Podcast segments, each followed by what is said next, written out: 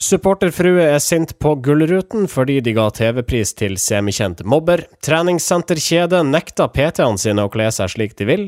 Og vi tar en nærmere titt på konseptet innovasjonsteater. Vi er norske informasjonsrådgivere, velkommen.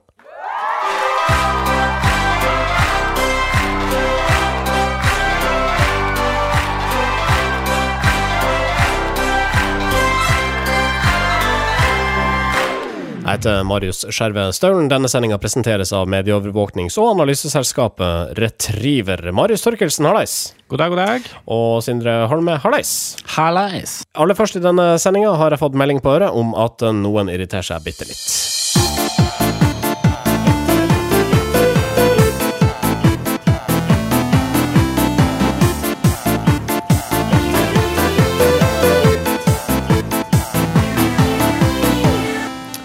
Og det er du, Sindre, som uh, har latt deg irritere noe i dag. Du irriterer deg bitte litt over eh, musikk, en musikkanmeldelse i VG. Ja, det er uh, Tor Martin Bø som skriver Han anmelder gjerne uh, Stjernekampinnslag, forskjellige uh, låter som er på TV. Han uh, skriver mye om musikk på TV. Uh, og han uh, slaktet jo da Madonna sin uh, pauseunderholdning på Eurovision. Uh, og de som hørte den uh, låta, kan jo være enig i at hun ikke gjorde noe god innsats der. Nei, det var ganske falskt. Men det jeg reagerer på, er liksom sånn derre At det blir nesten litt sånn kommentarfelt-trollaktig kritikk. På hvilken måte? For det første så skriver han eh, Tor Martin Bø en, en anmeldelse av Madonna som kaller det for grusom bisarro Madonna. Altså, å bruke grusom eh, om eh, musikk er i seg sjøl liksom litt, litt, u, altså litt voldsomt, da, syns jeg. Mm. det er sjelden grusomt, vil jeg si. Det er grusommere ting i verden enn det. Eller mer grusomme ting. Og så, klarer VG å skrive nok en sak der en annen journalist intervjuer denne musikkjournalisten etter at Madonna har lagt ut innslaget på sin egen YouTube-kanal. Og det er et innslag der hun har eh, justert eh, vokalen sin eh, litt grann, og, og fiksa litt på den, sånn at det høres bedre ut. ja, og det gjorde hun eh, kanskje lurt. Skal vi høre et par eh, Skal vi høre disse Ja. klippene? Side om side. Mm. Altså, dette her er originalen Altså, dette er det originale klippet fra Melodi Grand Prix eh, lørdag som var.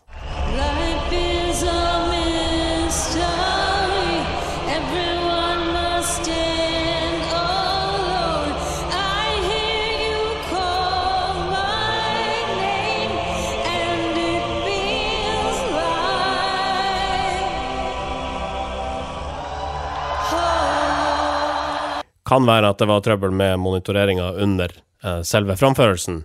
Uh, og derfor antagelig har Madonna da lagt ut videoen, men har tillatt seg å tune uh, vokalbidraget.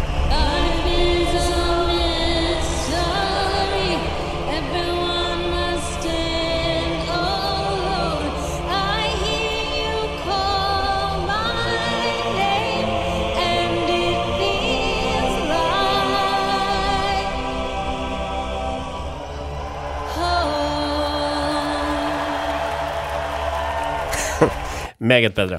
Meget bedre, og det reagerer da VG på, som intervjuer sin egen musikkjournalist, som i utgangspunktet hater Madonna eh, også. Og, så, og der, eh, i dette intervjuet så står det at Tor Martin Bø ler rått av Madonnas video. Ha-ha-ha-ha-ha-ha, sier han. Akkurat da man ikke trodde dette kunne bli mer bisart.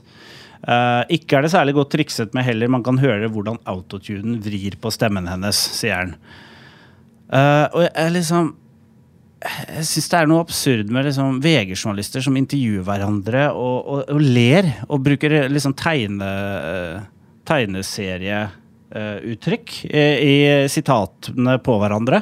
Ja, og det blir sånn derre Er du et kommentarfelttroll eller er du musikkjournalist? Skal du forklare meg hva som har skjedd, eller skal du bare eh, fråtse i sånn eh, eh, eh, irritasjon og, og skadefryd? For dette er jo ren det er, liksom, det er bare skadefryd, rett og slett. Jeg, jeg tenker litt at, eh, at eh, de, når de sier Bizarro Madonna, så er det en referanse til eh, DC Comics, Bizarre World. Som er eh, da en planet hvor eh, alt er motsatt. da, ikke sant? Den planeten heter Huretø, som er sånn Earth baklengs. Ja. Eh, og Der er liksom Supermann er det motsatte av Supermann på jorda, og du har Bizarro, Batman og liksom alt, alt mulig, mulig rart. da. Så det kan godt hende at eh, han mener at Madonna her er en falsk Madonna eh, fra Bizarro World, da, som ja. synger dårlig istedenfor bra. eh, og som er uh, gammel istedenfor ung. Eh, riktig. Eh, nei, men da, da har vi rodd den i land. Uh, så da trenger vi ikke å irritere oss mer over det. Uh, det er bare det at jeg syns at musikkjournalister burde forklare litt mer om musikk, istedenfor å le av musikk. For det er ikke så veldig interessant. Det er litt sånn 1999 eller noe sånt òg, føler jeg. Ja, for det, det er jo mer interessant å faktisk få et innblikk i hva gjør at Madonna, som eh, gang på gang har bevist at hun er god til å synge, Ja. plutselig synger dårlig. Istedenfor Ja. bare å si sånn 'herregud, hun sang dårlig', hun, er, hun suger, og så hopp, hoppe på det internettoget. da. Eh, så liksom, Hvis hun faktisk, han faktisk har sagt at dette kan være grunner til at hun sang dårlig Tre grunner. så kan, Enten hun kan ha mista stemmen og blitt gammel, kan ikke synge lenger. Det kan være en grunn. Ja. Eh, nummer to, det kan være monitorering. At det er dårlig produksjon. At eh, lydmennene der får henne til å høres dårlig ut. Hun trodde hun sang i en annen toneart Mm. enn det hun gjorde, som er kanskje det mest sannsynlig. Eller nummer tre, hun kommer fra Bizarre World, der er kidnappa, kidnappa en ekte Madonna. Men jeg har et spørsmål til deg, Sindre. Ja. Ville du vært like kritisk dersom anmelder Tor Martin Bø hadde tatt for seg f.eks. Erik og Chris på denne måten? Uh, uh, nei, kanskje ikke, men jeg syns det hadde vært uh, en Nei, godt spørsmål. Eh, jeg ville kanskje ikke lest saken, for at jeg er litt mer interessert i Madonna enn Erik og Chris. Ja. Og da ville vi aldri ha diskutert den her. Nei, det hadde vi helt sikkert ikke Hvis det hadde vært en sak som var sånn overraskende imponerende synging av Erik og Chris Ja. Det hadde Det- vært uh, Ja, det hadde vært en ganske interessant vinkling, faktisk. Ja. Ja. Ja. All right, vi kommer oss i gang. Velkommen til oss her i NIR. Norske informasjonsrådgivere. Gullruten er en årlig prisutdeling for TV-bransjen, og i år har de introdusert en ny kategori, Årets deltaker, hvor prisen går til en som har medvirka i en realityserie eller dokusåpe. Og den gikk til Melina Johnsen, deltaker i X on the Beach, kjent annet for at hun skjelte ut en annen deltaker, og kalte henne for stygg, feit og bleik. Og det er grunnen til at blogger Line Victoria Husby Sørensen reagerer på at det var Melina som fikk prisen. I et innlegg hos VG skriver hun at hun skjemmes på vegne av juryen, som gir pris til TV-sesongens største mobber. Ingvild Daa, administrerende direktør i Monster, er uenig. Ja, fordi uh, det, Dette er en sånn interessant debatt, syns jeg. For jeg har lest nå begge disse debattinnleggene. Først det fra Line Victoria uh, Husby Jo Sørensen, uh, som er da supporterfrue. Hun, hun skriver det at det er et dårlig signal å gi en pris til en person som er på TV og er mobbete og, og kjip, generelt sett kjip mot andre. Og hvis man gir henne en pris, så kan det sende et dårlig signal til barn og unge og sånn om at hvis eh, de vil få til noe her i livet, hvis de blir vil bli belønnet, så må de oppføre seg kjipt, eller at det lønner seg å oppføre seg kjipt. tenkte jeg, ja, det er jeg enig i. Det sender kanskje litt dårlig signal. Ja. Uh, og så et, etterpå så leser jeg da uh, innlegget til hun Ingvild fra Monster, et uh, produksjonsselskap. Og så skriver hun at jo, jo, men det er ikke det hun får pris for. Hun får pris på fordi hun er en deltaker som har bare vært med på dette programmet helt uten noe filter og bydd på seg selv til en sånn grad at det faktisk går utover henne personlig. For hun er ikke akkurat en populær person i Norge. Og det er sånne deltakere vi trenger på TV for at det skal bli interessant. jeg, ja, det er kanskje, det er kanskje sant, det også. Nå har ikke jeg sett uh, X on the Beach, så jeg, jeg, jeg har ikke så veldig god kontroll over persongalleriet her. Men altså, hvis det er slik at du kan si deg enig med Ingvild da, eh, i Monster om at ja, hun stakk faktisk hodet ut der Uh, og var kjip, bydde på seg sjøl, og en del av henne, henne er at hun er kjip, da. Hvor langt er du villig til å dra den? Altså, hvis det hadde vært uh, hatefulle mennesker i denne TV-serien, hadde det vært en gammel nazist, eksempel, kunne han ha fått denne prisen? Ja, så, så, lenge nazist, så lenge nazisten er, er seg selv 110 uh, og viser det, så er jo det det er det viktigste. Her, her føler jeg at det handler om Her føler jeg at det er en diskusjon om, eh, om, om Gullruten er en TV-faglig pris, eller om det er en pris for de som ser på TV. Ingvild da i, i Monster, hun argumenterer som om Gullruten er en TV-faglig pris. Mens eh, Line Victoria Husby hun snakker om det som om det skal være en pu at det er liksom seerne seerne eh, sin pris. Og at det handler om eh, god TV for de som ser på.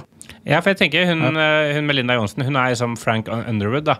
Hun er som, eh, hun er nemesisen, hun er eh, antagonisten i, i en TV-serie. Og den må være til stede for at serien skal være interessant. Det må være motpoler, det må være konflikt, det må være, være dynamikk.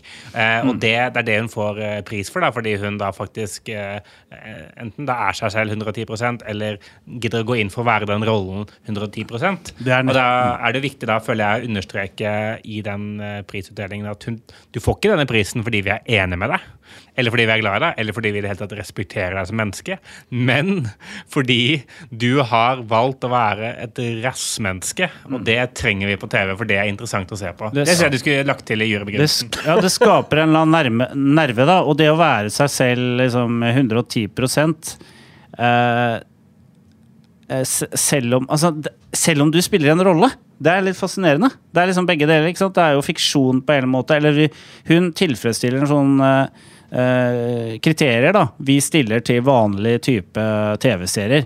At en, eh, en skurk skal være skikkelig ond og fæl og kjip. Eh, og så skal de gode være eh, litt interessante og samtidig ha veldig, veldig eh, stort hjerte for alle de svake. Og hun spiller den rollen Uh, og, eh, til å være liksom rasshøl og kjip da, mot de andre. Eh, kjempebra. Eh, samtidig som hun tør å være seg selv. Eh, jeg- dette er veldig forvirrende for meg. Eh, men eh, dette er da Sånn foregår diskusjoner om TV i 2019. Men jeg, jeg tenker da til, til neste år, da. Bare for å fordi vi er, vi er nødt til å komme til kompromiss her, siden begge to har rett samtidig. Både hun eh, supporterfrue og monsterdama. Eh, siden begge, begge de to da har rett, så tenker jeg neste år, eh, årets deltaker, må gå til en pris eh, Det må gis til en person som vi som tenker sånn Det er helt åpenbart at denne personen er en person som er forferdelig og ikke får prisen fordi man støtter vedkommendes handlinger. Så jeg tenker, hvis det lages en eller annen sånn 22. juli-dokumentar, da, vi bør gi prisen til Anders Behring Breivik neste år for årets deltaker. For å bare by på seg selv 110 Norske informasjonsrådgivere. I innspillende stund er sjamanen Durek Verret og hans prinsesse Märtha ute på seilingsferd i Norge. Det har eh, skapt en rar situasjon, mener NIRs rådgivere i eh, Oslo, ettersom uh, Verret Louise utfordra kirkens åndelighetsmonopol. Ja, det mener vi, fordi eh, det er, for så vidt ikke noe nytt at Märtha Louise lefler med eh, åndelige elementer. ikke sant? Hun har hatt engleskole og den type ting. Men når eh, Durek eh, Verrett kommer til eh, landet som sjaman, så var jo det opprinnelig tenkt at han skulle, eller at de skulle opptre eh, i en kirke i Stavanger. Eh, da satt eh, biskopen foten ned og sa at at det var liksom Det de ville, var å peke på Jesus og ikke på Durek. Men det med at kirken har blitt liksom en del av debatten rundt sjamanen, det har på en måte blitt gjort at det har oppstått en litt sånn rar situasjon, for vi er vant til liksom at kirken har monopol på det åndelige, det overnaturlige og alt det her. Eh, Men i det liksom eh, du har prester og sånn som ønsker å gå i dialog, så blir jo plutselig kirken satt i liksom da kan, da kan kirken snart flytte inn på alternativmessa, tenker jeg. Hvis de skal liksom eh, fortsette sånn. Jeg mener at det er veldig dumt av kirken å gå i dialog med, med disse her folka her, da. Det, det, det er jo en slags sånn eh, utfordring i å kunne argumentere for at uh, det som han Durek driver på med, som er det der å snakke med en annen overnaturlig kraft og uh, bruke den kraften for å gjøre livene til mennesker bedre, den er jo, det er jo helt crazy. Det kan ikke vi ha i vårt kirkerom. For vi skal jo tilby denne andre kraften, og vedkommende lever ikke engang. Eh, Durek er i hvert fall i, i, i live. Så jeg mener det er, det er en sånn eh, Det er en, eh, en eh, intellektuell utfordring for kirken å faktisk kunne argumentere mot en, en ting som ikke er mulig å bevise, med at den andre tingen som de tror på, som ikke er mulig å bevise, er mye rettere. Og så tenker jeg også at det er bare sånn, det er sånn konkurrentgreie. da, Sånn der, du ville ikke liksom åpna en Burger King i en McDonald's, på en måte, sånn det, fordi det er samme greia. Det kirken burde gjøre i den sammenhengen her, er å sitte helt rolig i båten og se på, og ikke kommentere dette som skjer. Fordi at eh, de har ingenting å vinne på at de blir en del av den historien om Durek og Märtha. Som eh, fordi eh, hvis de ønsker å være en eh, institusjon som eh, har monopol på det åndelige og det spirituelle, eh, og det var liksom hva skal jeg si, det religiøse rundt det, så, så, så bør det ikke bli en del av deres historie. Men eh, på en måte så gir jo mening for kirken også sånn å tenke sånn Hva har de, på, hva er de å tjene på å la han eh, opptre eller eh, være til stede i deres, eh, deres rom? Jeg så Durek uh, sjøl, han sa etter at, eh, etter at eh, han ble nekta å komme, at eh, kirken prøver å få meg og Märtha sitt eh, opplegg til å framstå som et klovnesirkus. ja. Eh, gjennom at de da ikke, gjennom at kirken ikke validerer eh, dem og lar dem få lov å bruke deres eh, rom. Og, og da tenker jeg sånn, ja, det hadde jeg kanskje jeg også gjort hvis jeg var kirken, da, fordi eh, man har jo mye mer altså, fordi enten da så har jo begge rett, at både eh, det som kirken tror på og det som eh, Durek tror på, begge ting stemmer. Det, man kan snu atomer, det Ja. fins en, eh, en eh, gud. Eh, jorda ble skapt på syv dager, og Durek eh, kan hacke eh, hjerner. Eh, enten er begge deler sant, eller så er ingen av delene sant, eh, tenker jeg. Og, Hvordan, eh, hvis- hvordan kommer du til den konklusjonen? Ja. Jo, fordi hvis man ikke tror på det ene, Ja. så har man like mye beviser for å ikke tro på det som å ikke tro på det andre. Men er det ikke forskjeller på å, å, å hevde at du kan snu atomer, og det å hevde at Gud er god, for eksempel? Jo, men det er ikke forskjell på det å hevde Det er ikke forskjell på å hevde å kunne snu, snu atomer og at eh, Gud eh, skapte en verden på syv dager. Nei, det føler jeg er akkurat den samme påstanden. Det ene kan vi måle her og nå.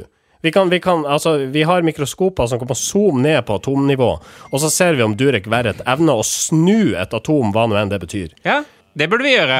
Ja, og vi har teleskoper som kan se opp i himmelen. Jeg har ikke, vi, sett, vi har jeg har ikke sett en fuckings mann opp i himmelen. Nei. Eh, så hvis jeg kan min religions- og teologihistorie rett, så vil jeg si at det argumentet her holder vann til de grader.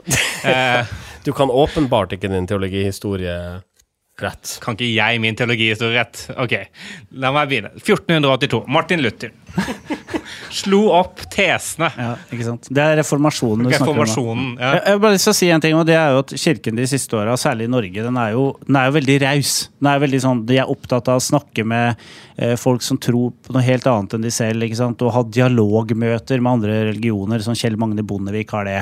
Og så der Her var det jo en dialogprest, som det kalles, som da i utgangspunktet skulle holde en innledning for det arrangementet.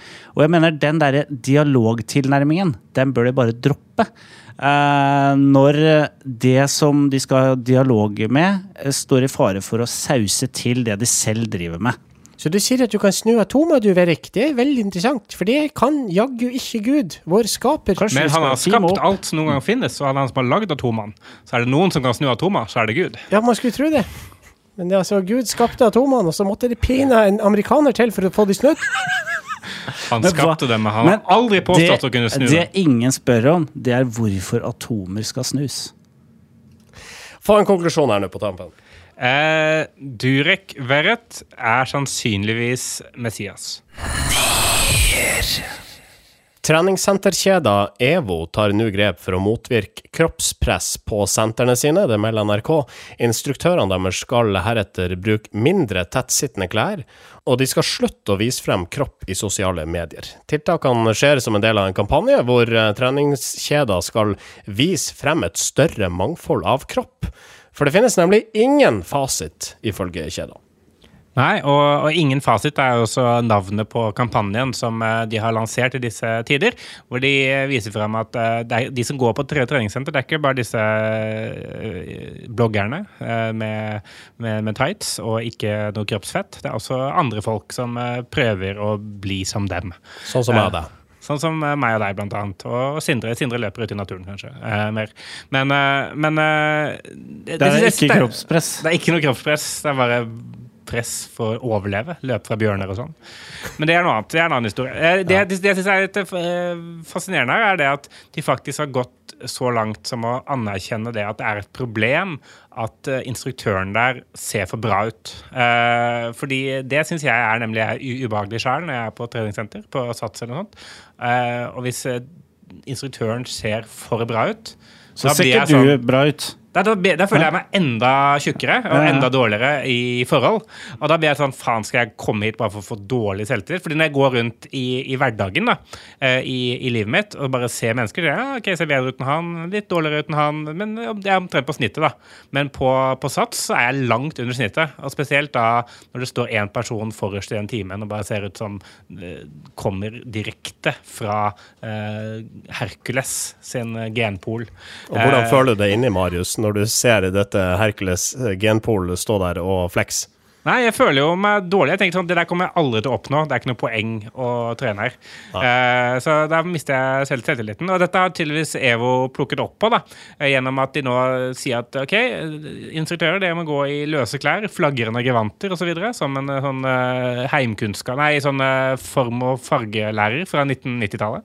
Eh, men- og i, tillegg ikke la legge, legge ut sånne posebilder på sosiale medier. Det tenker jeg det kanskje kan funke, faktisk. Som en slags sånn der måte å bygge EVO som en merkevare som er sånn Du kan komme hit og være litt mer sånn avslappa og trene. Jeg, jeg føler litt sånn eh, Jeg, jeg syns det er en fin kampanje, men jeg føler dette er liksom voksenversjonen av den der kritikken mot at barn skal beskyttes og ha på seg hjelm og polstres og ikke Man skal beskytte barn mot å falle og slå seg, liksom, og få skrubbsår. At her prøver vi det samme på voksne, å beskytte voksne mennesker mot å bli eksponert mot vellykka vellykkethet. Altså, er det, Hva med bussen, da? Hvis du er litt overvektig og skal inn på bussen, da står det masse uh, tynne folk, uh, og du kommer ikke inn for du er litt tjukkere enn dem. Bør de tynne da gå? Sånn at du får plass? Altså, eh, Jeg, jeg fore- foreslår Ja. normalfordeling av vekt på bussen. Så bussen skal til enhver tid reflektere samfunnet i vektfordeling. Det kan ikke være for mange tynne. Da må du komme inn og tjukke, så må du tynne ut. Ikke Så sant? må det være en sånn normalfordelingskurve på vekt. Så jeg tenker heller, hva, hva om EVO da begynner å rekruttere PT-ere som ikke nødvendigvis er i superform, men som men- kan eh, trenings... eh, hva skal jeg si De forskjellige øvelsene? Men tror du ikke at korrelasjon mellom eh, Tror du ikke at korrelasjonen mellom kroppsfett og uh, treningsegenskaper er for sterk til at det der er gjennomførbart?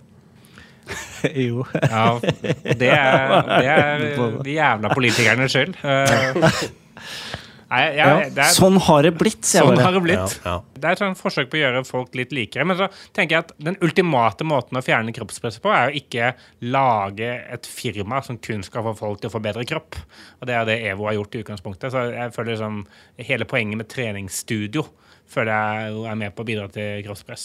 Så nei til treningssenter, da, med andre ord. Ja, jeg føler de EVO bør ikke få lov til å ha treningssenter. Eller at de lager en fastfood-kjede i resepsjonen, sånn at man kan spise seg opp igjen etter å ha trent bort fett. Ja, og da kanskje sitter masse tjukke folk og spiser der når du kommer. Ja, Og da blir det ja. sånn Shit, jeg føler meg dritbra. Å ja, Se på alle de tjukke folka der. Ja, faen, nå skal jeg trene, så har jeg god samvittighet, og kan jeg spise masse drit etterpå. Det har vært genialt. Hatt McDonald's i resepsjonen på EVO. Ikke sant? I'm loving it. Språksparta hos NIR. Det er Jostein Magnussen i Netlife som i et innlegg på nettstedet skifter.no bringer til torgs et begrep vi vil kikke nærmere på, nemlig innovasjonsteater. Ja, vi, vi syns det er et veldig artig begrep. Eh, Jostein Magnussen er jo kjent for å være ganske eh, straight shooter, som det heter på, på engelsk. Jeg måtte bruke et lånebegrep fra engelsk for å forklare at han er god på klarspråk på norsk. Ja. Det var jo kanskje litt Det, men det sier jo bare hvor god han er. Ja, det sier hvor god han er. Jeg klarte ikke å beskrive han på noen annen måte enn å Nei. bruke et låneord derfra. Uh, og han er jo i tjukkeste bransjen sjæl. Han jobber jo med lean uh, ditt og design thinking datt uh, sjøl, men er ganske flink til å liksom eh, forenkle. Eh, Så han har lagd en buss, uh, innovasjonsbuzzordliste. Altså bruker ordet buss, altså. eh, som jo er et låneord eh, for å forenkle, hvilket er ironisk. Eh, men der dukker det opp et ganske eh, artig ord, som jeg syns kanskje beskriver litt av den tida vi kanskje er på vei inn i nå, og det er ordet innovasjonsteater. Ja. Hva er et innovasjonsteater? det er når man etablerer en innovasjonslab med gule og blå puter, VR-briller og shuffleboard, for deretter å rapportere til styret at vi er i gang med innovasjonen. Så, dette er noe eh, norske virksomheter etablerer for at det skal se ut som om de eh, gjør noe nytt. Ja. Og og igjen så føler jeg bare jeg føler Hver gang vi snakker om dette, så har jeg lyst til å henvise tilbake til uh, den gangen vi hadde Even Sandvold Roland som uh, gjest. Vi har hatt han et par ganger. Uh, men da, da hadde vi også språkspalte, eller begrepsforvirringsspalte, hvor vi tok for oss begrepet innovasjon. Og han sa det at innovasjon er jo det som ofte blir misbrukt oftest. Eh, fordi innovasjon, eh, sånn som han mener at det er, det betyr voldelig demontering av ting man allerede gjør for å lage noe nytt. Det er ikke innovasjon liksom å komme opp med en logo og en ny farge, eller tenke sånn nå skal vi lage Tinder, men for eh, bunad, eh, eller et eller annet sånt. Eh, det, det skal være ting som liksom truer hele eksistensen til virksomheten din, men som du er nødt til å gjøre for å overleve. Og det er jo det som veldig mange da ikke gjør, men heller bare innovasjon som kommunikasjonsvirkemiddel. Å tenke sånn, ok, Folk har lyst til å jobbe et sted hvor det skjer nye ting. Vi trenger å tiltrekke oss folk som er litt kreative. Da lager vi VR-brillrommet eh, med noen gule puter og sånn. Og så tenker folk shit, de er, eh, de er innovative. Men det er ikke det det handler om i det hele tatt. Ja, altså det, du kan si det er to forskjellige typer innovasjoner. Det er radikale innovasjoner, som er den typen innovasjoner som bare snur alt på hodet og lager nye kjøreregler. Og så er det det som kalles for inkrementell innovasjon, som er en eh, forbedring som gjerne kommer liksom innenfra bedriften, som er forbedring av produktene. Så, Det mener jeg vi bare skal kalle forbedring. Uh, så det kan vi godt kalle forbedring heretter. Eller blogger. Men jeg liker, men jeg liker veldig godt uh, ordet innovasjonsteater. For jeg får idé til en forestilling. Jeg har lyst til å se denne her forestillingen på Nationaltheatret. eh, Som egentlig tar opp i seg hele vår tid og vår trang til å tro at vi gjør noe nytt, men faktisk ikke gjør det. Eh, Og i hovedrollen der eh, finner vi Bjørn Sundquist som eh, administrerende direktør. Uh, og jeg tenker at vi har uh, Aksel Hennie som Chief Innovation Officer. Aha. Og Ane Dahl Torp som uh, sekretær. Så det var ikke, du evna ikke å innovere castinglista. Den er den samme som for alle norske filmer. Jo, jo. Og Melina Johnsen Thomas Hays og Melina Johnsen skal spille nyansatte. Ja, det var mye bedre. ja, det, det, det var litt spennende. Det var litt spennende, men, ja. men det hadde jo vært mer interessant om det var folk Også, utenfra, ja. Og så kan den der hvite. AI-roboten ha en rolle. ja. Pepper, ja. Pepper. ja, ja. Skal vi se. NIR spilles inn i studioene til Moderne Media, et av Norges største produksjonshus for podcasts. Du finner dem på modernemedia.no. Oss finner du på facebook.com slash NIRcast. Er vi tilbake om ei uke? ja det er Det vi. er vi. Ja. Da høres vi da, da. Og fram til da. Ha det bra. Norske informasjonsrådgivere. Moderne media.